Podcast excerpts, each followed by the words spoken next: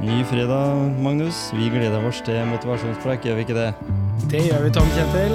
Og så er det en fantastisk gjest som er her i dag òg. Vi er heldige.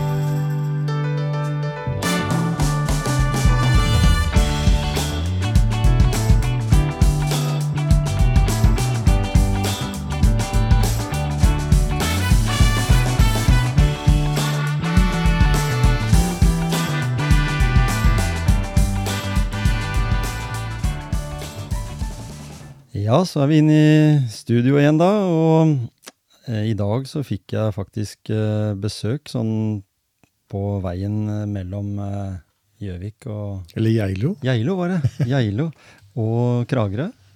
Velkommen til eh, motivasjonspreik, eh, Geir Elsebutangen. Mange takk. Det var hyggelig at du Vi har jo vært litt i dialog, så det, vi har snakka sammen at dette her må vi jo få til. Og så fikk vi det til på en dag som det her. Det er jo helt supert. Det gikk fint, det.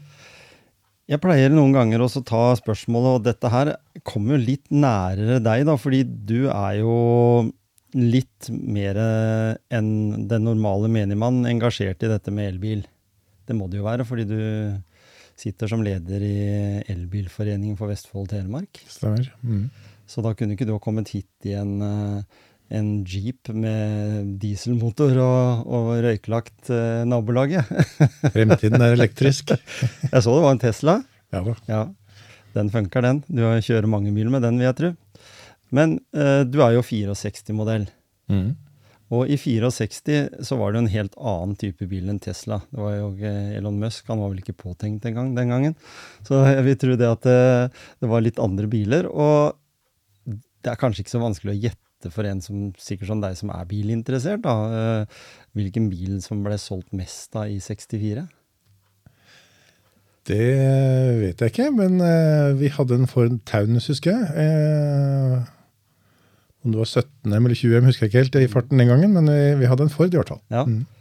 Det som blei mest solgt da, som veldig mange andre eh, år rundt eh, det, de årstallet, sånn 60, 65, opp til når jeg er 67-modell, det var Volkswagen. Og det var mest sannsynligvis da både Boble og Volkswagen Nettopp. generelt.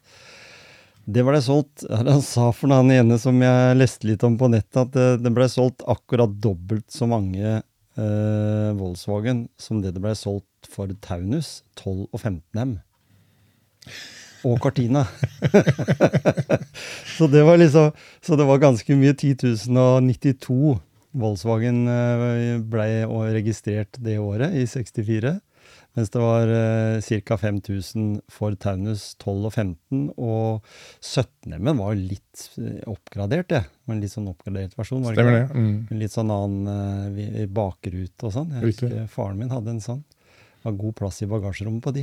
Apropos god plass, jeg husker eh, jeg har et minne fra jeg var eh, Jeg vet ikke hvor liten jeg var, men eh, jeg skulle på tur med en kamerat, Mm. og eh, moren kjørte. og Da ble vi plassert bak i den hattehylla Ja. bakerst i bobla. Ja. Så det kan ikke ha vært store karen. Nei. Jeg har et godt bilde at du står begge to ved siden av hverandre i baksetet der. I ja, Det var litt andre tilstander. Det var ikke mye setebelte, nei. Nei. Nei. Det var jo ikke installert heller. Jeg husker jo den ene gangen faren min han kjøpte en sånn eh, Rambler. Som eh, var en sånn Jeg vet ikke hva slags type Rambler var, egentlig. Om det var noe amerikansk eller noe sånt. I hvert fall så måtte, Der installerte han sikkerhetsbelte, og det var sånn det var ikke noe rullebelter eller sånn.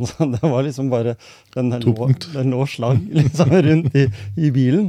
Og onkelen min, han hadde en eh, eh, Er det for noe?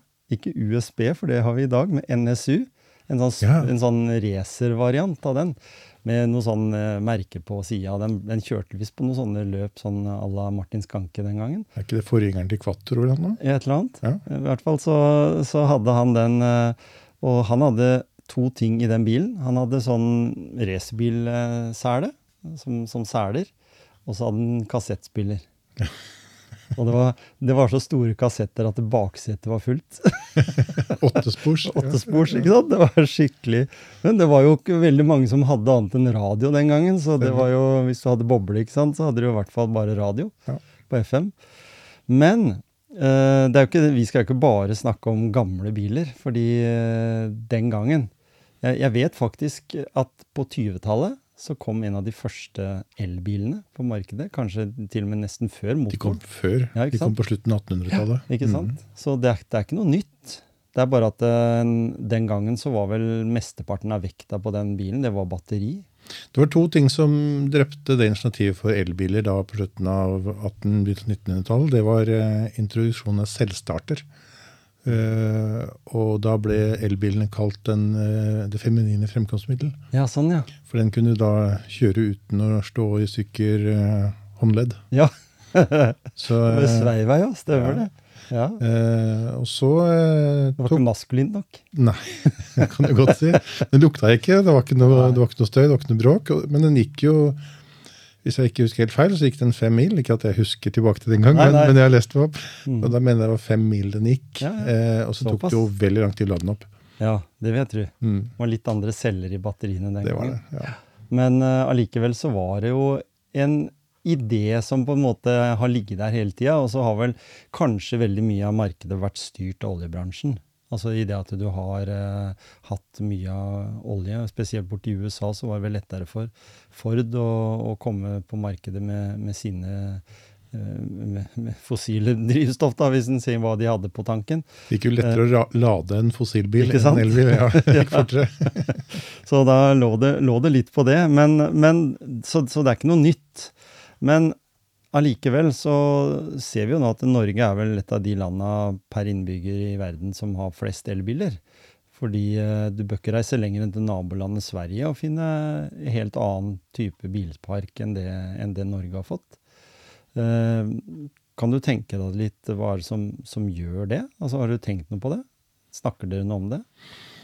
Ja, vi har jo hatt en eh, elbilforening i mange år. Mm. eh, som begynte med noen ildsjeler. Den gangen de hadde Buddy og Think, eh, Ja. og gjerne før det, tror jeg. Men, og de har jo maura. og Jeg vet at Elbilforeningen har jo vært foreslått nedlagt. og De skulle feste for resten av pengene som var der. Det er ganske mange år siden nå. men Ja.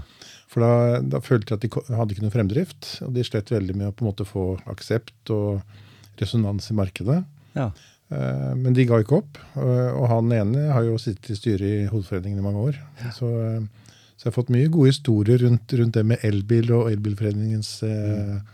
både med- og motganger. Ja. Så syns jeg det har vært en veldig bra satsing fra det politiske liv. En omforent strategi om å på en måte kutte klimagasser og, og tenke nytt. Og så har vi et land normalt som har enormt mye kraftoverskudd. Mm. Og da er det fornuftig å bruke det. Skal vi bruke fossil, så må det til Europa først for å bli eh, bensin og diesel, Mm. og så eh, frakte tilbake igjen. Og det er klart at da, da er det lettere å ta dette fra norske fjorder og fjell eh, og få det rett inn i bilen. Det er Eh, en enklere fueling. Men, men litt sånn tilbake til interessen for elbil. da. Mm. Eh, Jeg fikk jo eh, bilbane som barn, eh, og var det noe som var morsomt å kjøre med, så var det bilbanen. De var eh, ikke veldig bråkete, og Vi måtte nesten sette noe på dem for at de skulle lage bråk. Ja. Eh, og senere så jobbet jeg i, eh, i Oslo Modellhobby eh, i, Skåveien, Mm. eh, hvor jeg fikk interesse for fjernstyrte elbiler. Ja, eh, og heller det enn de med motor. Mm. Altså fossilt motor. For det første hadde de mye høyere akselerasjon. Eh, Men så måtte du bytte batterier, så det var litt sånn jobb med det. Men jeg vet ikke om det var da jeg sa til meg selv, eller om det var senere. men i hvert fall Jeg skulle ha meg elbil når det kom med hengefeste, så det må ha vært senere. da. Men eh, ja. ja, sånn det, ble det. det har jo vært, eh, hvis du tenker sånn argumentmessig, det har vært et stort argument for vi i norske forhold som er vant til liksom å enten hente ved. Altså, jeg, jeg kjøpte meg jo henger for noen år siden, og vi måtte jo sette hengefeste på, på bilen vi skulle, siden vi hadde henger. Og så begynner du liksom å telle hvor mange ganger i året bruker jeg henger egentlig. Eh, De få gangene jeg gjør det, så kunne jeg egentlig bare leid meg en kassebil. De fire gangene i året eller noe sånt. Rødde er sånn som jeg holder på nå med å rydde hekk og, og, og ta søppel. For det blir alltid eh, søppel enten her eller hos de barna våre, liksom, som Jeg har trenger en eh, Jeg har en mistanke om at vi har rekord der også, i antall Ja. privathengere i Europa. Eh, Det er ikke så vanlig i andre land. Nei, ikke sant?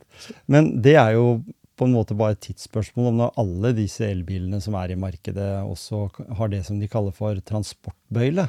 Det er ikke det de kaller det. De tar ikke direkte hengerfeste, men transportbøyle, for Mm. det har liksom litt med vekt og Ja. sånn å gjøre. Og de fleste hengere vet jeg nå som blir solgt til private, det er jo innafor de rammene Både fordi en ikke har oppgradert lappen til å kunne kjøre tyngre, fordi en sånn som meg, måtte, eh, fikk beskjed om å ikke komme nå, for det var så stor pågang. Kan du vente litt? Og så når jeg venta litt for lenge, så var jeg ti dager for seint ute. Nei. Ja, ja, Så da må jeg drive med oppkjøring og øh, trening og vise at jeg kan rygge med henger. Og så har jeg hatt lappen i snart 40 år. Så, sånn, er, sånn er verden. Jeg, jeg kjøpte henger, for vi tre søsken hadde kjøpt eh, et uthus eh, til min mor. Og det veide jo nesten en tonn, tror jeg. Mhm. Så måtte jeg ha en skikkelig henger. Så jeg kjørte til Porsgrunn og kjøpte meg en henger. Ja. Og Idet setter den på bilen og skal kjøre av gårde, så bankes det på ruta. Og da kommer han selgeren ut og spør hva slags førerkort jeg har. Mhm. Og da måtte jeg tusle av gårde til Biltilsynet for å få hengelappen. ja, ikke sant? Og det er litt så rart med det, for jeg har en kompis, han øh, har jobba i hele sitt øh, voksne liv på Autostrada, faktisk. Var med og starta opp hele greia. Og så har han drevet og henta biler for Gisle og gjengen da, i utlandet og alt, med bilhenger og alt. Han blei jo for noen år siden stoppa, da hadde han sikkert kjørt i 15 år. Eh, og henta Porscher og Lamborghinier og det som var. Og så hadde han jo ikke lov til å kjøre bil lenger. så han måtte stoppe i Sverige, da. Vel, han ble stoppa i Sverige. Og så måtte han ringe en kompis da, som måtte komme og hente han, som hadde lov å kjøre. så det er rart med det der. Du må Ja. følge med de bokstavene bak på den, det sertifikatet. Du eh, hadde jo eh, en fot inne i eh, kraftbransjen. Eh, en periode så, så jobba du jo som eh, meg-registrert konsernsjef i Krager Energi, men du slutta brått. eh, litt sånn uoverensstemmelse med ledelsen, antagelig. Men hvordan var det å være på den sida og se hvordan kraftbransjen var den gangen i forhold til eh, det med elbil og markedet? Fordi da hadde du jo på en måte bein i to leire, da. Ja, eh, bare steg tilbake. Jeg begynte i energi for 30 år siden. Ja, ja. Så du har noen års, I, i, eh, i, erfaring. I olje og gass. Ikke sant? Eh, og så overhørte jeg min far, som var driftssjef en gang på Ekofisk, at eh, i en dialog han hadde med han som var landssjef den gangen, Bob Phillips, og så spør far hvor lenge tror du vi har olje. Så svarer amerikaneren nei, i hvert fall ti år. Eh, og da gikk jeg tilbake på skolebenken. Ja. Eh, Så ble det eh, kraftforsyning. Der har jeg vært i og rundt den i hele verdikjeden i 30 år, mer eller mindre. ja, ikke sant? For du har vært innom ABB òg?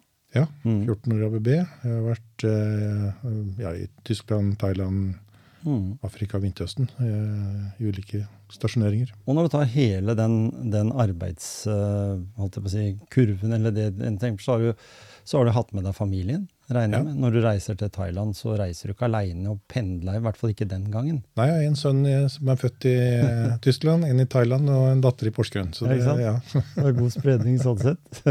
Har det vært noen som har reist tilbake noen av de stedene? Av- av ja, de har vært tilbake igjen i Thailand. Um, og så hadde vi en tur over når vi bodde i Saudi-Arabia, til Etiopia. Ja, ja. Um, men bortsett fra det så har ikke de vært tilbake igjen, nei. Nei. Og det har ikke vært noe som frister nå? Jo. Å jobbe For alle, ute? tror jeg. Ja. Ja, jobbe ute, ja. Ja. Ja, det var jo en tid uh, hvor ungene kom inn i en alder hvor de skulle inn på videregående. Og Mm. da ble det et valg hva gjør vi? Eh, enten så måtte vi bli ute i fire år til, sånn at de fikk seg uh, engelsk uh, Mm. allmennutdannelse, eller så måtte vi hjem til Norge. Mm. Så vi bestemte oss for å reise hjem. Ja. Ungene snakket ikke særlig norsk, de forsto alt, men de hadde blitt såpass internasjonale at de snakket engelsk. Så det var nok et Det er ikke eh, noe minus det i dag. Nei, da, de takler det veldig greit i dag. Men, men når en tenker at eh, tar utgangspunkt i det, da, at du har da um, reist mye, hatt jobber rundt, men hva, og siden vi er i motivasjonspreik, da, så har jeg lyst til å spørre hva er det som på en måte har inspirert deg til å gjøre de valga uh, i livet? Ved å, ved å velge utypisk norsk, da. For det er jo litt utypisk, selv om vi hadde, har hatt en bransje som mange flytter ut og jobber. Så vi hadde vel egentlig bare sjømenn som uh, gjorde det der på, på 50-, 60- og deler av 70-tallet. Jeg liker utfordringer. Det er vel egentlig den korte versjonen. Ja, ja. Um, og så har jeg vært heldig, vil jeg si. Jeg har fått en del uh, tilbud som jeg har takket ja til. Mm. Uh, og så har jeg hatt en familie som ville være med på den reisen. Eh, og det har gjort det enklere for meg. Eh, vi hadde ikke reist så mye hvis eh, kona hadde sagt nei, det gjør vi ikke. Nei, ikke sant? Men hun har også vært veldig villig, og eh, i den forbindelse har hun sikkert ofret en del. Sin egen karriere, blant annet. Mm. Så det, det, har ikke vært så enkelt, men jeg tror alle har hatt en utrolig, jeg vet at alle har hatt en utrolig opplevelse ute. Mm. og vært med på den reisen. Og de, de har noen historier de kan ja, se bilder og, og spøke med og, og, ønske seg tilbake igjen. Og, og når, du, når, du, sier det da om deg sjøl, at du er, er, interessert i Eller syns spenninga ute og den der, hele den, den settingen der, har det på en måte påvirka dine barn til å ta litt mer sjans? Altså i forhold til det faren har gjort? Eller er de veldig landa, på en måte? Jeg vet du har en sønn som har spilt fotball. Eller ja, spiller, kanskje? han yngstemann han eh, fikk seg jo en par år i Vålerenga, ja, og, så, og så brakk han begge armene. Så han, eh, nå er han i Grorud. Ja. Eh, ja da, det, de har i hvert fall pågangsmot, det har de. De har jo alle tatt høyere utdannelse. og eh, Eldstemann begynte nå på Ingeniørhøgskolen i sommer etter å ha vært politimann i mange år. Ja, ja. Så eh, de har pågangsmot. Mm. Og så tror jeg de har litt av den optimismen som jeg mener vi har arvet fra min mor, eh, som er eh, livets optimist, tror jeg vi kalte henne ja. på 90-årsdagen sin. Uh, hun tar tak i alle små halmstrå og får trekke seg opp, og, og, selv når alt er mørkt, så finner hun et eller annet å heve seg opp med, og det er helt fantastisk. Den tror jeg vi har arvet litt alle sammen. så Når det er, som mørkest, så, så, er det alltid en vei ut. Mm. Det, For det er jo det er noe som gjør noe med den der indre motivasjonen vår òg. Fordi vi har jo alle en motivasjon og tenker sånn overfladisk da, at ja, vi kan jo gjøre det, for det har jo den gjort, og så, og så, kopierer vi mange andre. Men den indre motivasjonen den må jo sitte der sånn innbrent i sjela, på en måte. Og da er det jo veldig, sånn som du sier med, med moren din, da, som, som, på en måte har vært med og påvirka det. Hele, hele den måten å, å, leve på, helt ifra du vokste opp, antagelig? Hun har vært et forbilde for, for alle oss barn, eller mm. mine søsken og meg, og også for barnebarn. De har jo sagt det flere ganger at hun, hun har jo tydeligvis vist at hun, dette vil hun. Mm. Uh, selv om hun har vært sjuk og dårlig, så har hun alltid reist seg opp. Alltid ja, funnet et eller annet, kjøpt en ny bil, eller annet, bare, bare, for å komme seg ut av senga. Motivasjon. Ja. Uh, jeg tror den, den, måten å hente inspirasjon, da, det å komme seg ut av en situasjon, det, det tror jeg har vært veldig viktig. Mm. Uh, og Du nevnte jo for så vidt Kragerø. og det, ja. det, det var jo en... Det, for der måtte du sikkert også ta fram den innerste, uh, innerste energi, på en måte. For det blei jo brått. Jeg ble veldig irritert. Uh, og jeg tror nok ikke jeg var helt i balansen da jeg fikk de første intervjuene, bl.a. fra NRK. men For det var veldig overraskende. og, og ubegrunnet, eh, sett fra mitt ståsted. Men det er klart ja. det er, man har ulike veivalg og tanker om fremtiden. Mm. I dag tror jeg jeg hadde hatt uh, rett, hadde sett oss i korta for et år siden. Ikke sant? Uh, men poenget er at det å dvele på en måte, Jeg kunne gravd meg ned, jeg kunne, ikke sant? Men, men det på en måte å snu seg rundt og se hva kan jeg nå gjøre? Mm. og det jeg tror Hadde jeg ikke snudd meg rundt så fort og begynt å sette framover og, og, funnet ut hva vil jeg gjøre eh, Jeg har jo byttet eh, ikke så altfor ofte, men har, som leder så mener jeg man skal ikke sitte for lenge. Nå satt jeg sannsynligvis altfor lenge i Kragerø, med snart ni år. Men, men eh, det på en måte å stake ut veien videre selv mm. det er viktig. Mm. Ikke bare for ledere, men egentlig for alle. Se hva, hva vil jeg gjøre? Man må velge med enten så man fyller fritiden, det er jo veldig mange som gjør, så blir det min en jobb hele livet ut. Mm. Eh, og da er det en motivasjon i seg selv, og det tenker jeg er kjempespennende. Eh, ellers må man på en måte ha et stabilt eh, hjem, ja. og, og, og, så gjøre en karriere. Eh, jeg har vel prøvd litt av begge deler. mm. Og, og det, det, er jo eh, en motivasjon i seg selv. Jeg syns det har vært moro å ta utfordringer, og ta nye utfordringer, ikke minst. Mm. Og når du da kommer i en sånn situasjon der eh, det, er litt, det, er litt, som en fotballtrener, det, egentlig. Som du kom i, det. Du kom i den situasjonen der. Du, fra å ha vært i en kamp, og så, og så får du beskjed om å bli innkalt på, på møte, og tenker deg egentlig at du har gjort, levert etter dine i hvert fall dine forutsetninger, så føler du at du har levert det du skal levere. Sikkert alle rundt deg også, og så plutselig får du den beskjeden. Så jeg skjønner det blir litt som at du får fyken som fotballtrener òg. Du mister jo ikke på en måte respekten der ute, fordi du vet at den kan gjøre en jobb. Og da er det kanskje litt lettere å ta steget fullt ut igjen. Så, for, for, noen slipper seg jo helt ned og blir, kommer langt ned i kjelleren, for å si det sånn, og ikke har den evnen som du har eh, tillært av gjennom, som du sa i stad, moren din og, og, det du har vokst opp med. For det har jo litt med det også. Hadde du vært en eh, usikker og utrygg personlighet, så hadde du kanskje gått på en smell, da, som folk har veldig lett for å si da. At, eh, og, og, og, en smell kan man jo gå på, fordi en har jo økonomiske forpliktelser til familielivet i dag. Skal ting gå rundt, så må en jo kunne ha noe å leve av. En kan ikke bare drive med hobbyer. Mange ser nok på meg som ikke for meg som deg i Nav-kø, liksom. Mange ser nok på meg som en selvsikker og sikker person, men, men, eh, det er det ytre. Jeg har nok like stort kaos inni jeg som mange andre, i hvert fall i en sånn situasjon. Og, og det på en måte å rydde tankene og få bort alt det negative eh, i de, den første uken, det, det, var en kamp. Ja, Det vet du. Det må jeg bare innrømme. Det var, det var tøft. Mm. Og, det å sette oss ned da og på en måte se hva, hva, hva gjør jeg nå? Hva finner jeg på? Skal jeg starte mm. opp mitt eget selskap igjen, eller skal jeg Eh, prøve meg på jobbmarkedet. Jeg er 57 år. Mm, hvor mange er som får ny jobb da? Ja. Så, eh, men, men, det morsomme var jo at jeg fikk jo tre tilbud mm. i løpet av ganske kort tid. Når jeg på en måte fikk lagt alt det mørke bak meg og på en måte snudd meg rundt og sett nå må jeg, nå må jeg lage CV-en på nytt, jeg må begynne på nytt, jeg må kontakte folk. jeg må, ja, Hvilket nettverk har jeg? Altså bruke nettverket. Og jeg fant jo fort ut at det var jo overhodet ikke brent. Det er klart Mange lurte jo. Alle spurte jo hva, hva, hvorfor, og, og, hva har gjort, og hva er gærent. Uh, og uh, jeg husker det var jo et par stykker som sa kan vi ringe styreleder. Ja, selvfølgelig kan dere det. Jeg har ingenting å skjule. Så, uh, så, det var egentlig veldig greit. Det var en ryddig mm. exit i etterkant. Se på det, Men jeg syns ikke det var veldig ryddig da. Jeg ville nok gjort det på en helt annen måte selv. altså det, det, er mange, mange, profesjonelle måter å gjøre sånt på hvis en er uenig. Mm. Det, mm. det, er jo ikke noe problem. Eh, I hvert fall som dagleder. Men, eh, men sånn er det. Så, så, er det viktig å snu seg rundt da, så finne det på det nye. Og da eh, kom jeg i dialog med, med Telenor. Um, som eh, hadde en, et mål om å bygge opp da, denne vertikalen på energi. Mm. Uh, det syns jeg var utrolig spennende. Uh, det er jo en ja, Da begynner den jo på en måte på scratch igjen. da. Ja, ja. Å bygge seg opp og bygge ja, for, opp. Ja, for du hadde jo, selv om du hadde mye erfaring fra kraft og energi, så var dette her, det å komme inn i kanskje Telenor-systemet, for det var jo et ganske stort uh, Det er jo et svært system. Altså Telenor er jo digert. Det det er digert. Ja.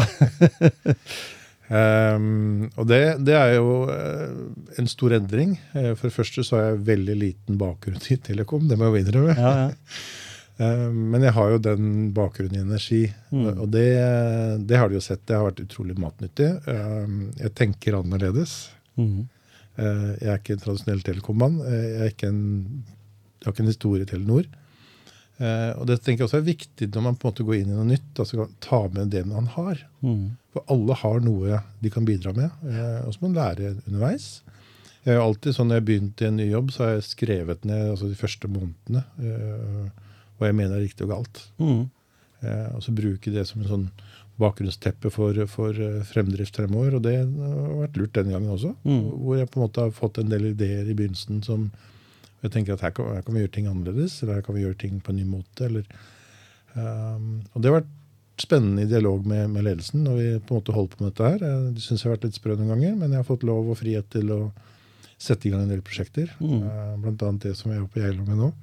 Og det, det, har vært gøy. Ja, for, for, du, for, jeg også husker jo det i den, når jeg var i den bransjen, innen telebutikken som det het. Vi hadde jo Telenor i hvert fall en stund, da, helt til vi blei eh, kjøpt opp av NetCom. men, eh, men, da hadde vi jo noen besøk inne på Fornebu, mener jeg det var. Og, og da var det Altså sånn avdelingsmessig, så det var en liten avdeling. Vi så, visste jo hvor stort mobile Telenor var. Eller, eller, faktisk den gangen så var jeg faktisk nesten det største var på fasttelefoni. Det var liksom, ja, det er den avdelingen, de har de etasjene. Og så, skulle du inn da på sånne spesialprosjekter. da, Det var sånne småting. Det var type støtte opp en mobilkjede med 30 utsalg. Ja, da skal dere ned her på det møterommet i, i kjelleren der, liksom. Du, du, du fikk den der følelsen som du sier av det at dette er svære greier, men allikevel så var de veldig nysgjerrig på på ny. fordi når du sier det at du kommer med ideer, øh, føler du at du på en måte Du bare sitter med det. Du ser jo dette fra utsida i starten. Du ser hvordan de jobber. Nei, jeg kunne jo gjort det sånn, og kunne gjort sånn, sånn løsningsorientert. da. Noen ganger så blir det tatt imot med åpne armer. Har Telenor vært sånn? Eller har de vært litt sånn litt, Er det litt skummelt? For det er jo litt sånn En del av Telenor er jo litt sånn uh, rumpa, kanskje? Telenor er kjent for å være en mobiloperatør Ja. med, med SIM-kort og mobiler og, og, eh, og mm, TV og brev. Og ganske store òg, faktisk, i verdens uh, De er det. Ja. Um, og det var jo mitt første spørsmål da jeg var i dialog med de. Altså, jeg, jeg er ikke noen SIM-kortselger. Og og det var det heller ikke jeg skulle gjøre. Og så, så nå er vi inne på dette med, med systemer for, eh, for eh, næringen, da, energinæringen. Mm. eh, På IOT, eh, for å se på hvordan kan vi på en måte være med å videreutvikle energinæringen. Mm. Eh, Og da snakker vi om prosjekter. altså, Hvis det er SIM-kort her, så er det i en, en Da er det bare en liten del av hele prosjektet. Mm. Eh, Vi ser på hele, altså styring av systemer, eh, levering av komplette prosjekter med styringer, med kommunikasjon selvfølgelig, med Mm. mye mer. da. Og snakker vi da, når du sier om sånne system, så snakker vi om kommunikasjon f.eks. i hyttefelt og industriområder. altså Hvordan tenker du? Er Det er hos energinæringen. Altså det å på en måte samle inn data fra disse små nettstasjonene trafostasjonene Ja, sånn, som ja. står rundt omkring. Ja, ja. Eh, Ha litt bedre oversikt. ja, se Ja. på altså, hvordan kan du hente inn Det er jo masse sånne Mm. eh, sensorikk der ute. Ja. Eh, og kanskje ikke det er så mye. Eh, hos de fleste så er det faktisk ikke det. og da er jo spørsmålet hvordan kan de få dataene sine raskere inn på driftssentralen? ja. Hvordan kan du lettere styre et nett? Eh, nettet skal ikke vi styre, men hente informasjonen da, fra, Ja, ja. fra nettet inn til driftssentralen. Eh, og da snakker vi realtime, altså Ja, fra time til time, egentlig. eller fra sekund Ja, ja, til sekund. ja ikke sant? Og så er det å dele opp data, sånn at de ikke får masse data. De skal kunne ha de dataene de, de faktisk trenger. Mm. Så, så her spinner jo Da lager man en lokal liten sky i en sånn nettstasjon som ikke er kobla til noe eksternt, men lever i sin egen lille verden. Mm. Og så henter den ut de dataene, og hvis det er avvik, så sendes de da rett til driftssentralen. Ja, ja. Da ser du også på et sånn større område. Da kan det være et hyttefelt, men det har ikke noe med hytten å gjøre. men det har noe med, med driften av, av strøm. Og. Mm. Og så er det utfordringer nå med, med fornybar energi. Mm. Eh, hvis du ser for deg Geilo, da, har en litt sånn ekstra stor hytte med, med varmekabler i innkjøringa. Du har jacuzzi, du har boblebad, du har varmekabler inne. Mm. eh, og skal ha solceller på taket. Da begynner du å utfordre et gammelt nett. Ja. Eh, og da må du ha styring. Da må du vite, da må nettselskapet vite hva som skjer der ute. For ellers kan du faktisk ødelegge nettet. Ja, ikke sant? Så, så der er jo en kjempemorsom dialog, hvor vi begynner å sette ut sånne testpiloter. Så det, det er moro. Det har vært en utrolig artig eh, greie å ta med Mm. seg inn i, i Telenor. Og så få med, de, få med de store selskapene på det.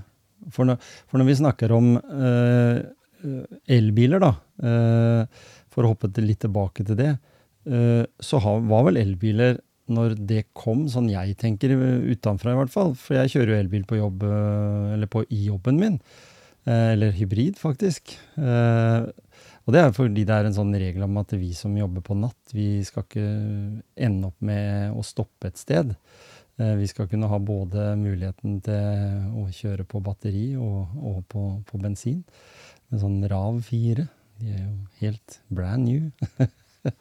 og det koster jo ikke noe for en kommune, sånn sett. Men da er de trygge i hvert fall på at vi gjør jobben vår.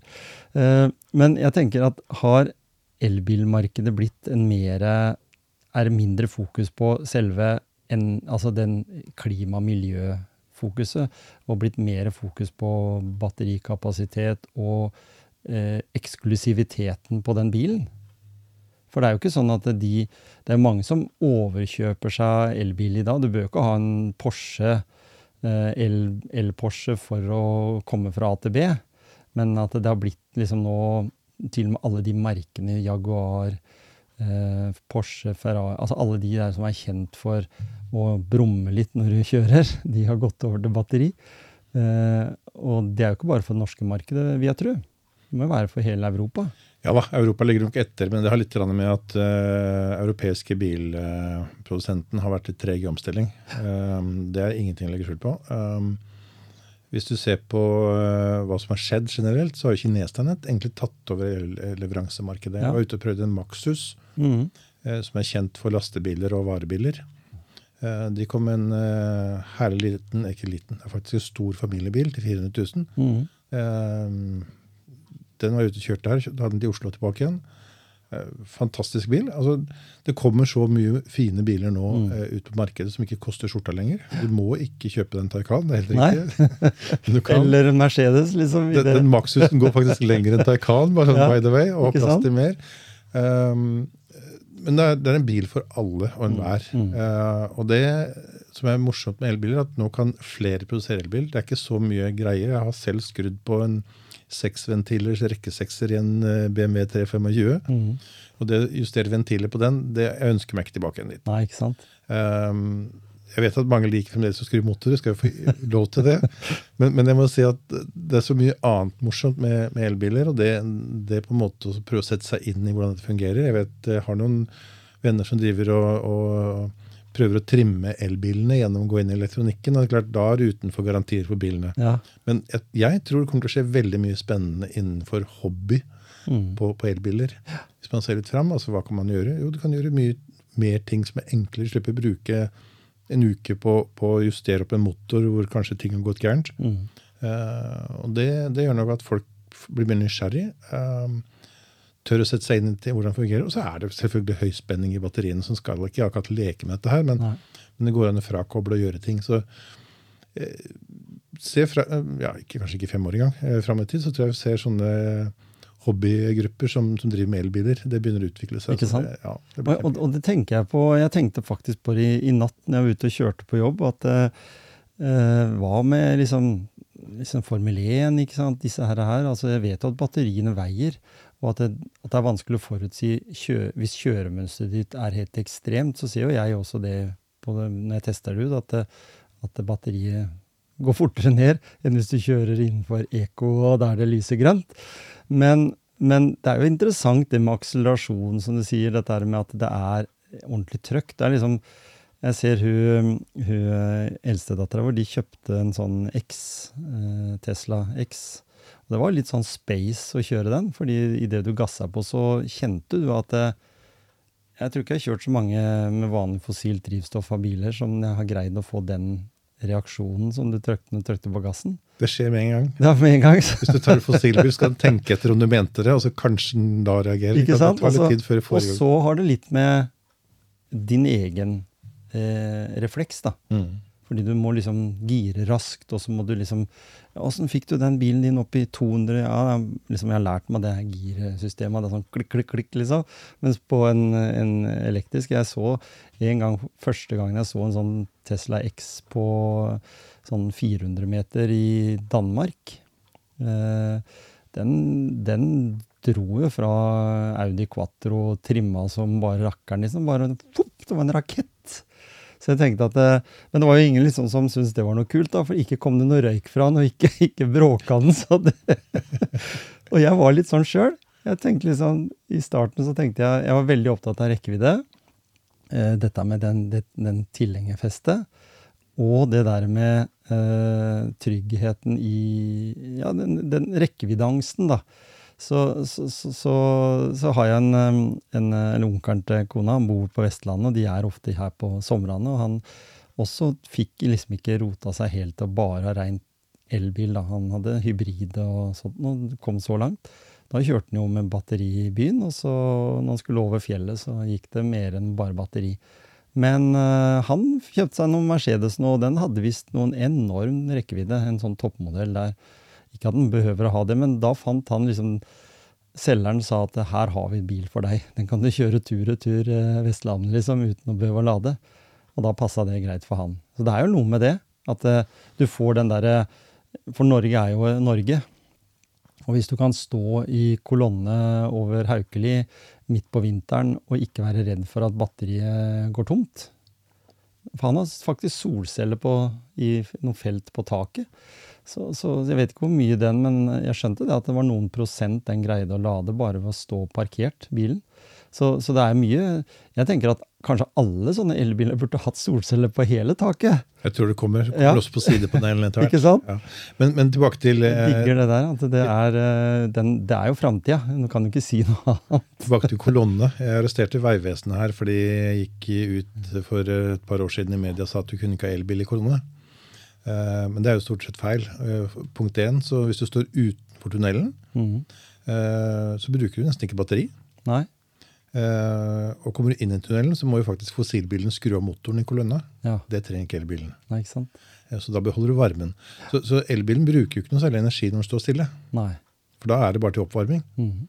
Eh, Så, det er jo ofte litt sånn feilslått tanke. det at du, du mister strøm i, i eh, kolonne. Det, gjør, jo det er veldig litt som går bort i kolonne på elbil. Der kan du se. Og det, det, det er kun hvis du har en sånn Tink eller en av de første. Ja, jo.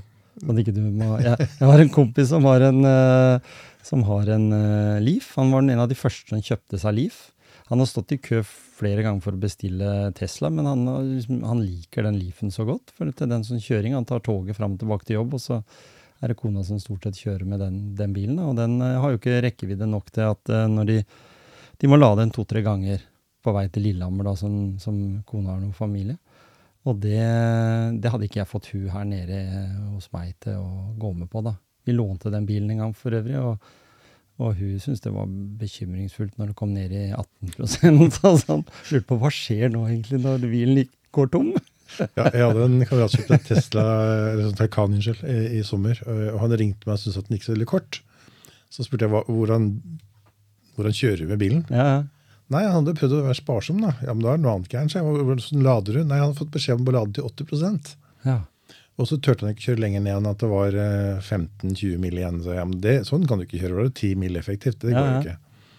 Så gikk vi gjennom da, at du, du kan jo lade den fullt når du skal på langtur. Mhm. Det er ikke noe problem. Men underveis så kan du stoppe på 80, for det, det er veldig dyrt den siste. ja, ikke sant? Og så kan du fint kjøre ned til fem mil igjen. Det er ikke noe problem. For det er jo, altså hvis du planlegger turen din, så er det i hvert fall fem mil mellom hver eh, lader. Ja. Og så han ringte meg en i høst og takka for, eh, for tipsene. For det, det har litt med bruksmønster å gjøre. Mm. Eh, nå er en bil som går 50 mil eh, pluss, uten problemer. Og det er klart at eh, da kan jeg lade når jeg vil, eh, Mm. og ikke når jeg må. Nei. Og det er også litt sånn Det er ingen som kjører 50 mil uten å stoppe. Det, det høres litt heavy ut. Nei, det er ganske voldsomt. Men, men da tenker jeg, en, av de tinga som jeg faktisk tenkte på da, når du har en bil som du helst bør lade én gang på vei til Oslo, da, for at du ikke skal på en måte behøve å leite etter ladestasjoner i Oslo, så, så er det noe med det der med å ta en stopp, da.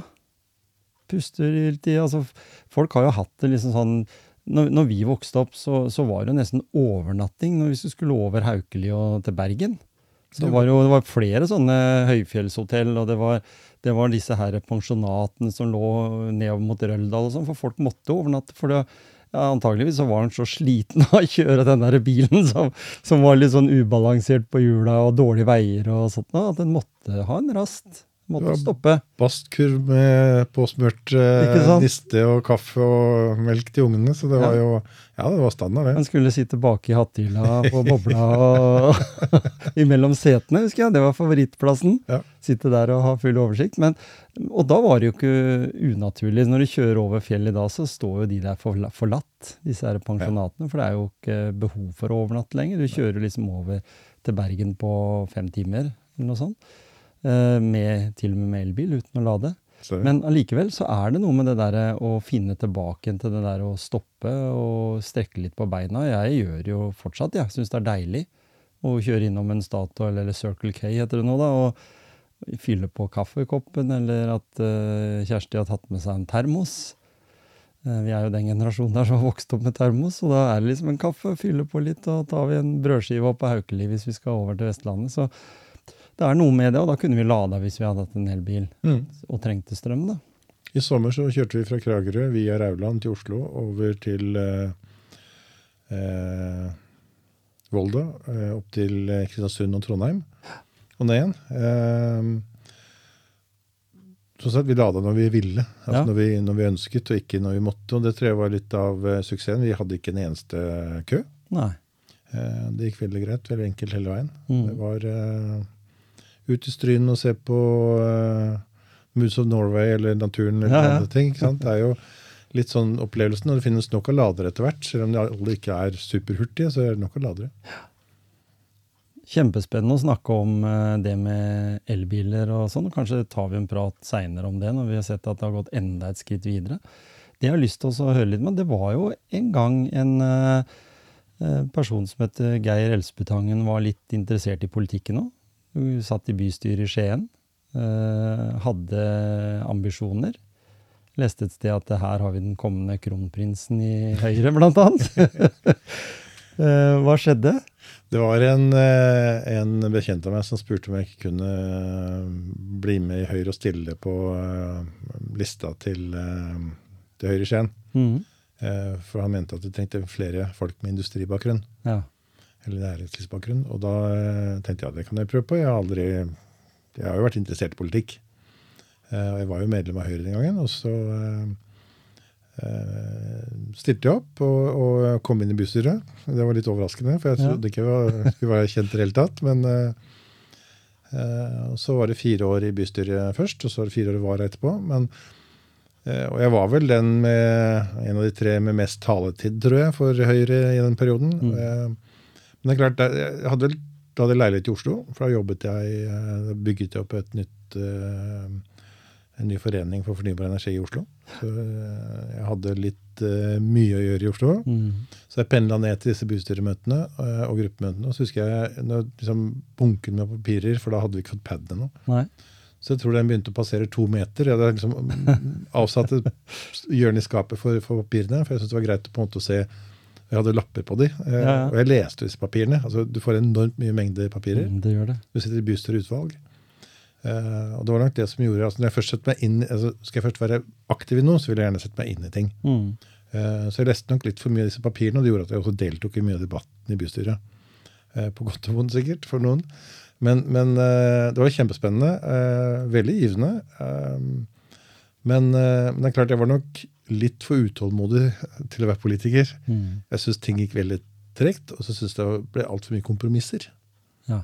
Og det slet jeg litt med. Altså Når det går på bekostning av kanskje velgerne dine, at du må gå inn på kompromisser pga. at eh, ja, vi må jo bli enige her. Ja, det kan vi sikkert bli, men, men eh, det kan ikke alltid, selv om du er i opposisjon, så kan du ikke alltid bli enig med de som sitter i posisjon.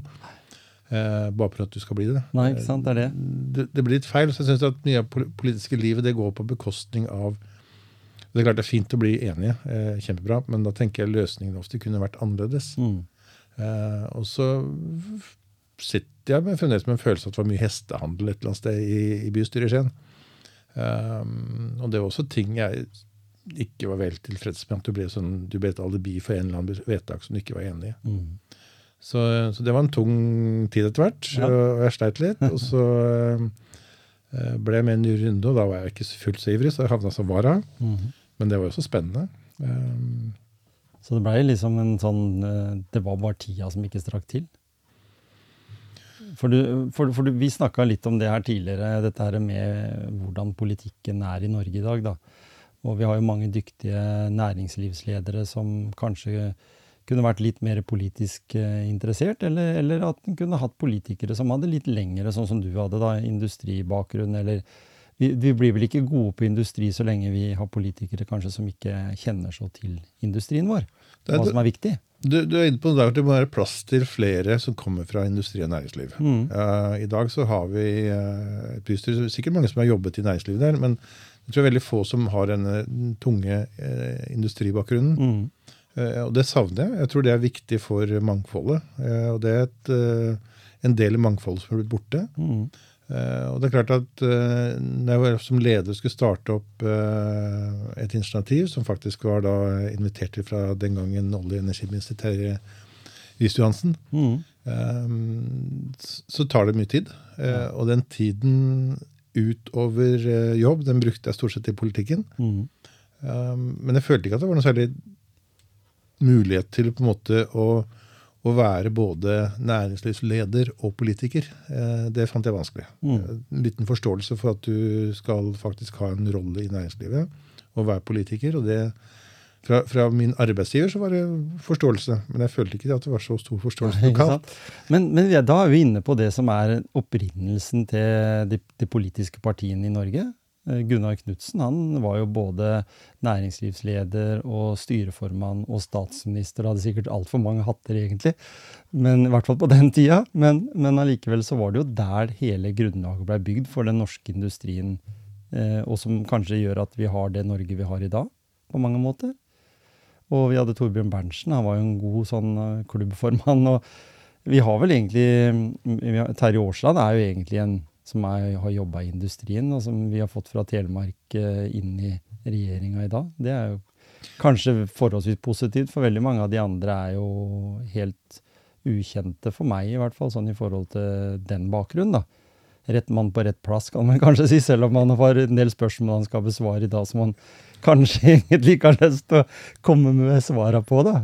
Jeg har et spørsmål til ham. Hvorfor, hvorfor, skal all energi gå fra Nord-Norge til Sverige, og så skal vi kjøpe den tilbake inn i sør? Den, den har jeg ennå ikke skjønt. Ikke sant? Men, men eh, ja, Terje Linn Aasland er helt klart rett mann på rett plass. Han kommer jo fra eh, Skark Energi som høyspentmontør og mm. på en måte vet hvor skoen trykker i næringen. Eh, og har et eh, bakgrunn på det. Mm. Så det er jeg helt enig i. Mm. Um, det som igjen som er utfordringen hans, at det er igjen et politisk liv der ute. Han må inn og forhandle og, og bli enig med, med opposisjonen. Mm. Og der mener jeg kanskje opposisjonen skulle lyttet mer til han. Eh, jeg tror nok eh, han har mye gode ideer å, å eh, komme med. og så er vi igjen i dette her forhandlinger og hestehandler. da. Mm. mm. Så, så, det er nok ikke noen lett oppgave. det man har der. Jeg satt jeg hørte på han forresten på radioen på vei nedover. Ja, ikke sant? Mm. Jeg hadde jo Nina som, uh, som, var i Høyre tidligere. Hun har jo vært med på en tidligere episode i podkasten. Og da snakka vi litt om det, og hun syntes det blei for mye ikke konspirasjoner, men det blei ble egentlig sånne grupperinger, kan man kalle det. på en sånn, uh, det, det, Og det har jeg også hatt på podkasten med Jan Bøhler. Han også følte jo det at det, det blei for mye grupperinger i partiet. Og var du ikke med i den rette gruppa, så hadde du ikke noe der å gjøre. Du tenker på Grorud Jan Bøhler? Ja. Grorud Jan Bøhler. Han har møtt uh, Han har jo vært uh, fast heia uh, ja, på, Grorud-kampene. Mm. Vi snakka litt om det der òg, om, om, om, Grorud og, og Groruddalen, og han er jo mister Groruddalen. Og han er en sånn person, en sånn karismatisk person som måtte trekke veldig mye mennesker. Mm. Um, og sånne må det også være plass til. Ja, Han følte seg som en trussel han for Arbeiderpartiet akkurat i den fasen der, når han uh, var kommet så langt. Da, så, så, var det noen som ville bli ferdig med Jan Bøhler, på en måte. Sa han sjøl, da. Ja, men det følte jeg også i Høyre. det må jeg bare innrømme. jeg skal ikke sammenligne meg med Jan Bøhler, for det er urettferdig. men for han, han, er en utrolig person. Men, men uh, jeg tror det er viktig Det må være plass til, til mangfoldet. Mm. Eh, og, og der tror jeg det politiske liv kommer til å lide hvis vi ikke klarer å på en måte ha plass til både Jan Bøhler sin karakter, som, som, jeg har stor respekt for, og, og også for industriledere som, ja. som, ønsker på en måte å bruke tid, eller fritid, mm. den, det de har igjen, mm. eh, i å være aktive. Så, ja, for de har en klokke i seg som går på en annen måte enn de som på en måte ikke har vært igjennom det, da, som vet det at eh, døgnet har 24 timer, og jeg må jobbe 23 av de for å ja. få det til å gå. Og de har den, den stayerevnen, og det må kanskje politikken dra nytte av, tenker jeg. Altså sånn, sånn, jeg husker en gang jeg snakka med, med, med, en politiker om, om, det her med å få ansvar, til og med sånn i utvalget i bystyret i Skien. Uh, han hadde industribakgrunn så det holdt, uh, og ville jo gjerne være med på å utvikle næringslivet i Skien. Men fikk da et, et, utvalg som, siden han var ny da, i gamet, da, fikk han et utvalg som ikke hadde noe som helst med industri og næring å gjøre. Du begynner jo ikke der, i næringsgruppa, eller hva den kaller. Du, du må begynne der. Gå, gå gradene. Og, og, da tenker jeg at eh, da blir det som å uh, sitte i et klasserom, og så står du på, oppe ved kateter, og så spør du er det noen som har erfaring med, med svømming her. Så rekker alle som kan svømme. Ja, da tar dere svømmeundervisninga. er det noen som ikke kan svømme her? Ja, så er det ja, da skal i hvert fall ikke dere ha svømmeundervisninga. Jeg tenker litt sånn, jeg. Ja. At det er rett person på rett plass. Den, den, føler jeg mangler litt nå i politikken. Vi snakka litt om Terje som, som, har fått den der oppgaven uh, som er helt jævlig, egentlig, fordi man på en måte må stå i det hele tida og kan ikke gjøre noe. For dette her er jo ikke bare styrt av det norske i Norge. Og, og, jeg vet jo det, og har begynt å tenke på det også, at vi har jo en for så vidt en god støtteordning for, for private eh, i forhold til Europa, resten av Europa. Vi har råd til det. Men eh, næringslivet da, sliter jo litt mer med å få noen klare signaler om de får hjelp eller ikke. Og det ville nok jeg trodd hvis jeg har noen prosjekter sjøl som er litt avhengig av den hjelpa hvis en skal gidde å holde på. og Hvis ikke, så er det ikke noe vits. Det, det sier seg sjøl. Litt tilbake til forståelsen i det politiske liv. altså Hvis du uh, hørte på det politikerne har sagt de siste par ukene, så er det mer kraft, mer eh, transport av kraft. Ja. Det har vært mantra. Ja. Eh, og så går de da ut med grunnrenteskatt. Eh, Mm. Jeg skal ikke gå inn på, på det, men, men, men det, det, som det, er, det er veldig rart når du på en måte i denne bliksen vil ha mer kraft, mer transport, Mm. Og så belaster du da hele kraftnæringen med ekstra beskatning. Penger som det egentlig skulle gjort for å bygge mer kraft Mm. og, og kraftoverføring. Mm. Så, så her er det noe som er politisk totalt feil. Eh, når vi på en måte vet vi trenger mer kraft, og så beskatter vi det istedenfor. Mm. Så, så det tror jeg er sånn politisk kompromiss. Um, hva var det han Rolf Erling Andersen kalte det? Det politiske uvesen? Eller vesen. Ja. Jeg kalte det uvesen. Han kalte det politiske vesen. Ja. eh, og det tror jeg nok eh, er mye av den, det konsekvensene med å gå inn i hestehandler, som, som mye av det politiske livet er. Mm. At du ender opp med sånne frustrerte eh, velgere som, som må se på at eh, ja, vi får ikke mer kraft, men vi får mer skatt istedenfor. Så eh, ja, nei, det er vi som til syvende og sist må betale. det må vi altså. Og, og grunnen var vel at de brukte nå litt dette her med at disse selskapene de ble rike av noe som var alle oss eh, nordmenns eiendom. da. Vann, eh, hav, altså sånn. Og det sier seg sjøl at det, det syns jeg blir litt feil, fordi jeg eh, jeg tenker at de som vil drive i laksenæringa, de har hatt sine utfordringer, de òg. Selv om noen enkeltpersoner tjener mye penger, så er det mange nedover også som har trygge arbeidsplasser. Så de har skapt mye arbeidsplass der på Vestlandet. De har skapt, det er samme som oljeindustrien. Den har jo vært en avgiftsmelkeku for, for staten. Men det er også fordi vi har eierskapet til det. Mm. Staten har jo ikke tatt eierskapet til oppdrettsnæringa. Mm. Eller vi har ikke tatt eierskap til kraftnæringa, for vi har på en måte latt Statskraft ta seg av den delen. Da. Men det er mye av det som fra før av går inn som avgifter da, til staten. Så jeg er også enig med deg at det, det virker veldig rart å tenke sånn. Ja, for det som nå skjedde, var jo altså Nå er ikke et vedtatt i Stortinget. Eh, det kommer jo fram som en, eh, eh, en debatt om et par uker, jeg. Mm. Eh, men det som skjedde på mandag, var at, eller tirsdag, da gikk jo aksjene på, på de næringene rett i kjelleren. Ja. Det er klart, det, det er ikke gunstig. Nei. For da går det rett og slett direkte på arbeidsplasser. Så Da får du ikke de penger lenger til å bruke på nye investeringer. Og så må de begynne å si opp folk. Mm. Det tror jeg ikke var intensjonen der. Nei, ikke sant? Men igjen, der trenger de næringslivsfolk som kan putte på røde varsellamper og si fra at nå går vi i feil retning, her må vi velge en annen kurs. Vedum vet ikke helt hva han sier ja til da når han går med på sånt. hva gjør Geir når han lader, da?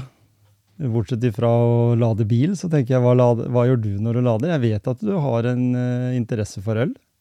Det var der vi traff hverandre sånn første gangen, sånn eh, ansikt til ansikt. Selv om vi var på noen Høyre-møter sammen, så, så var det gjennom eh, den øl... Hva er det dere kaller dere? Laug? Jug- Jugshit. Ja. Bryggelaug. Ja. Bryggelaug. Eh, ja da, det er, vi er ni stykker som har eh, funnet sammen rundt eh, hjemmebrygg.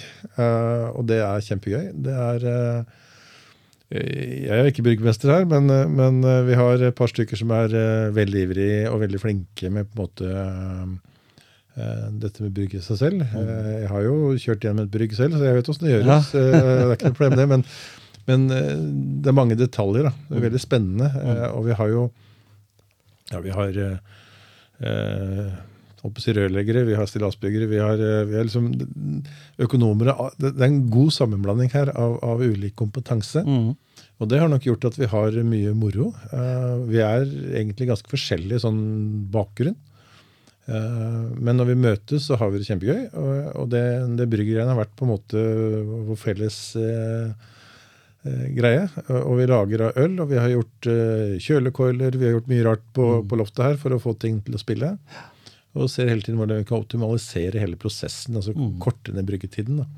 Så, så da er det greit å ha en prosessmann om bord også, for å få det ja, det til.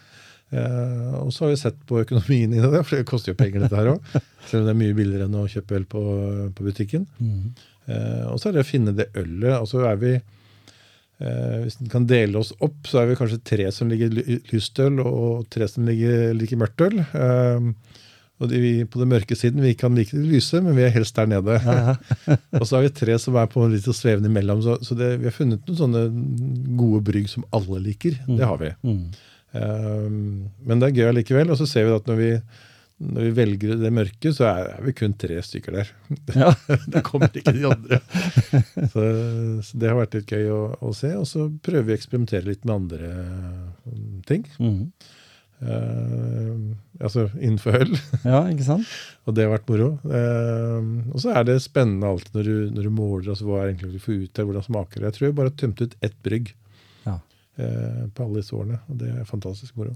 Dere, fikk vel en tredjeplass det året jeg ga ut ølet deres gjennom Gulating butikk, husker jeg. Det var en førsteplass. Ja, en Førsteplass, var det. Ja. Men Da hadde vi eh, bak brown, oss- brown ale. Da hadde vi bak oss en annen plass. Ja, Uh, det var det det var. Ja. Det var derfor vi gjorde det, hele prosjektet. Ja. For den hadde jo prøvd dere flere ganger med den. Jeg husker det så godt at det, Slottsølvet vårt, det. Ja. Mm, mm. At den var, hadde den bygd seg opp fra en uh, Newcastle Brown Ale, og Ja. så hadde dere bare eh, kommet opp til en, en sånn type øl, som, som for så vidt er veldig fin å ha nå i den tida vi er inne i nå, da, nå på høsten. Det, og det er favoritten vår til alle, alle de. Ikke sant? Den, den kan vi alle nyte godt av. Da, eh, da er alle med. Ja, ikke sant? og, det, og når du sier det, for, for det må jo være en motivasjon for dere da, å samles, om dere ikke får det alltid til så hyppig i og med at en har eh, busy life da, på, for enhver, så må det være noe med det der fristedet. Er, er det litt den derre modellen dere har i det bryggelauget som du mener vi skulle tatt over i det politiske hverdagen? At du har liksom ulike erfaringer, men når dere står der, så tenker dere kun på det å løse det, ja. løsningsorientert? Ja, for vi er fra ulike politiske politiske Ja, sider. ikke sant, Definitivt. og så er vi fra ulike eh, Ja, ulik bakgrunn, ulik ja, i det hele tatt. Så, så vi er jo egentlig veldig forskjellige, men vi går veldig bra sammen. Vi, vi er jo på fester sammen. Vi har julefester og sommerfester og, og hytteturer. Så vi gjør jo ikke altfor mye sammen. men Vi, vi har en god del samlinger hvor vi Mm. på en måte, da er vi sammen med eller uten uh, følge. Og, og føles det at dere kjenner hverandre så godt nå at eh, når dere møtes, så er dere der med en gang? Så dere bruker ikke så mye tid på å bli kjent igjen? Nei, nei, Dere det går veldig fort. ikke sant? Ja da, det er sånn, Nå vet vi hverandres svakheter og styrker, Ja. det, det spiller vi på. Og så, og så har vi det moro på politisk bekostning innimellom. Det Ja, ja. Om det er ting som skjer. Og så, og så må vi jo ha den respekten for hverandre at vi, vi, har eh, ulike, vi er ulike. Mm. Det tror jeg er viktig. Så ja, jeg er helt enig. Det burde vært mer av det i det politiske livet. At man Mm. ser Det er veldig fort gjort å se på ulike fysiske trekk når man skal ha på en måte eh, mangfold i politisk liv, men Mm. man må også se kanskje på eh, andre typer mennesker. Da. Altså, eh, som sagt, kan vi få inn flere fra industrien i det politiske liv? Eh, jeg tror det finnes en sånn statistikk fra Stortinget hvor et stort, altså, største gruppen er statsvitere. Mm.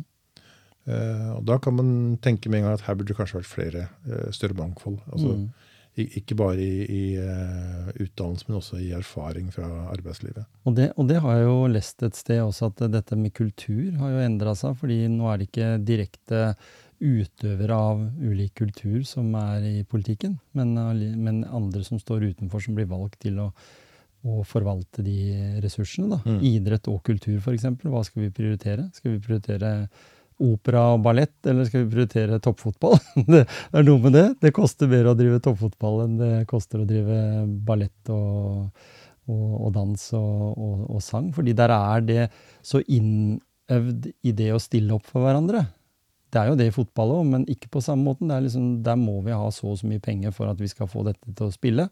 Mens i, i det kulturlivet der, så er det mye dugnad. Dugnad finnes jo i idretten, men det er på lavere nivå. Snakker du til en som har leda Gulset fotball i fem Ja, år? ikke sant? Jo, det, da vet du det med breddefotball, ikke sant? Altså skal, jeg har jo spilt fotball i Gulset sjøl, og jeg vet jo det at det var noe vi blei sett på som sånn eh, Så blei det ikke sett på sånn med tommel opp, liksom, eh, som A-lagsspiller, eh, før det på en måte blei såpass at det begynte å rekruttere til Odd og sånn, da. Men vi som på en måte spilte på første og litt annet lag og sånt, når vi Vi var jo bare, vi fikk jo egen treningstøy, vi måtte jo betale det. Men det som kom ut, da, det var jo at det der, der det har dere fått. liksom. De har like dresser, og de har shorts og strømper, mens her må mammaer og pappaer ut og kjøpe det andre. Det, og den modellen har jeg vært borti i mange lag, i Åfoss og i Hercules og overalt. Så, så det er noe med det der å ta en beslutning. Skal vi være et breddefotballag, eller skal vi være et, et topplag? Og jeg tror at mange klubber bør tenke litt begge deler, da. Fordi jeg tror for min klubb, da, som har vært Hercules uh, her, blir aldri noe stor uh, tradisjonsrik uh, klubb så lenge de ikke kan også fokusere på en A-lagssatsing. Kanskje dytte fotballag opp i tredjedivisjon. At det gjør også at de yngre ser litt opp til de, da, at de er forbilder på, på A-lag. Vi la en strategi der vi skulle være et farmelag til Odd. Ja, ikke sant? Eh, og brukte sterkt internt. Og det gjorde at eh, gutter kom. For, for, hvis de så det at eh, ja, jeg kan bruke Gulset som springbrett til, Ja, til Odd ikke sant? eh, Nå er det ikke mange som kommer dit, men, men det gjorde at du fikk et sånn trekkplaster. Ja. Da gikk vi jo fra femtevisjon til tredjevisjon på Nemlig. fire år. Eh, Og da sto til og med noen fra toppidrett på sidelinja og så litt på talenter og sånn, fordi du, du, de, de eh, Og det har jeg snakka med Lasse Jørn og Knut Helge og sånn om tidligere, at de ser jo mot klubber som har satsing også. De henter ikke talentene direkte, men de følger litt tettere opp. Ja. Sånn som med Kitolano og familien der. Liksom, som, som Joshua måte- John, Joshua ja. Som Mm. har liksom gått gradene. Nei, det er ganske mange som eh, gikk vel tre eh, spillere til Odd når jeg var leder der. Og det er klart Mm. at det eh, Når vi fant ut at vi begynte å fiske, så, så var jeg på ballen med en gang. Ikke møte Ja, med, med Odd for å forhandle. Men eh, det på en måte da vi sa at nå skal vi bli en i hvert fall uttalt være en Mm. farmerklubb. Mm.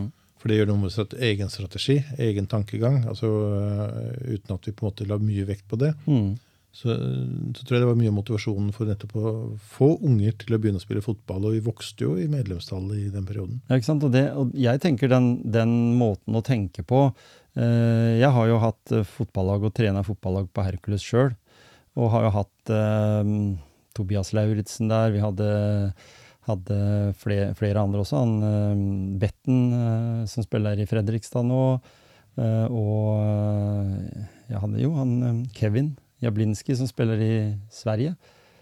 Og, men Hercules var ikke noen klubb som da eh, tenkte, De hadde hatt Rune Jarstein der, og de hadde hatt mange talenter og som de hadde sendt videre til Odd og sånn, men eh, det som skjedde der, var jo at eh, han Alexander Betten, han var jo faren, eller stefaren, han på å si, fra ABB, han ja, som du kanskje har jobba med. Ja. han tok i hvert fall med seg han til Odd fordi han så at her, jeg kan ikke bli her, antagelig. Eh, og det samme skjedde jo med Tobias Lauritzen og, og andre også. At de måtte liksom Foreldrene så at eh, her gjør ikke klubben noe, så vi må gjøre det, vi. Eh, noen da i klubben sier at ja, ja, men vi hadde jo tenkt å gjøre det, men ikke lagt plan om når. Så må de se liksom det, og det, det tror jeg har vært veldig sunt i, i Gulset. da, At flinke til å fostre, akkurat som andre klubber gjorde det tidligere. Skien Grane har jo vært en, et sånt eksempel, og, og Storm har vært et, i, fra, fra tidligere tider. Så, så har det noe med kulturen, altså hvordan tenker vi? Skal vi høre på mammaene og pappaene som har seksårslaget, eller skal vi høre på, på de som, som på en måte tenker at her må vi egentlig tenke begge deler? Hvis du ser på, på Erik, eh, John og Joshua, mm. så var jo de såpass lenge i Gulset at de tok jo med seg utdanningsmidlene. Ja. Eh, De ble igjen i Gulset, og det tror jeg er veldig viktig at, at de ikke hentes for tidlig. Mm, For det er nok av gutter som har kommet til Odd og ikke kommet videre. det er det. Eh, og hvis de går for tidlig for at man skal prøve å unngå å måtte betale utdanningsmidler, så, Mm. så blir det feil. Så den dialogen i, i fotballkretsen Telemark den er kjempeviktig at man opprettholder. Ja. Fint at du fikk en liten sånn idrettsgreie på slutten. Uh, hva skal du nå? Nå skal du hjem og, og nyte en bedre fredag. Nå skal vi eh, få et barnebarn på besøk. Ja. Så vi skal ha han eh, til i morgen, så da Mm. blir det sikkert nok aktivitet. Nå ser jeg det begynte å regne, så da er vi innetid. Så det er Uh, Så jeg tenker da blir det Duplo og uh, Duplo-togbåndet Ja. uh, et par timer i kveld. Og så blir det sikkert uh, det mesteparten morgenen hvis det fortsetter å regne. Det, Det er fint, der, men eh, Kragerø det er en fin by om både sommer og vinter. Ja da, han har regntøy, så vi går nok Ja. en tur òg. Det er noe med det der å ville ut i all slags vær. Det er viktig å få, få inn det tidlig. Viktig å få det ut. Ja. det er det. det er, men altså, Kragerø er et fantastisk sted. det er det. Ja da. Tusen takk for at du blei med i Motivasjonspreik. Takk for at jeg fikk komme.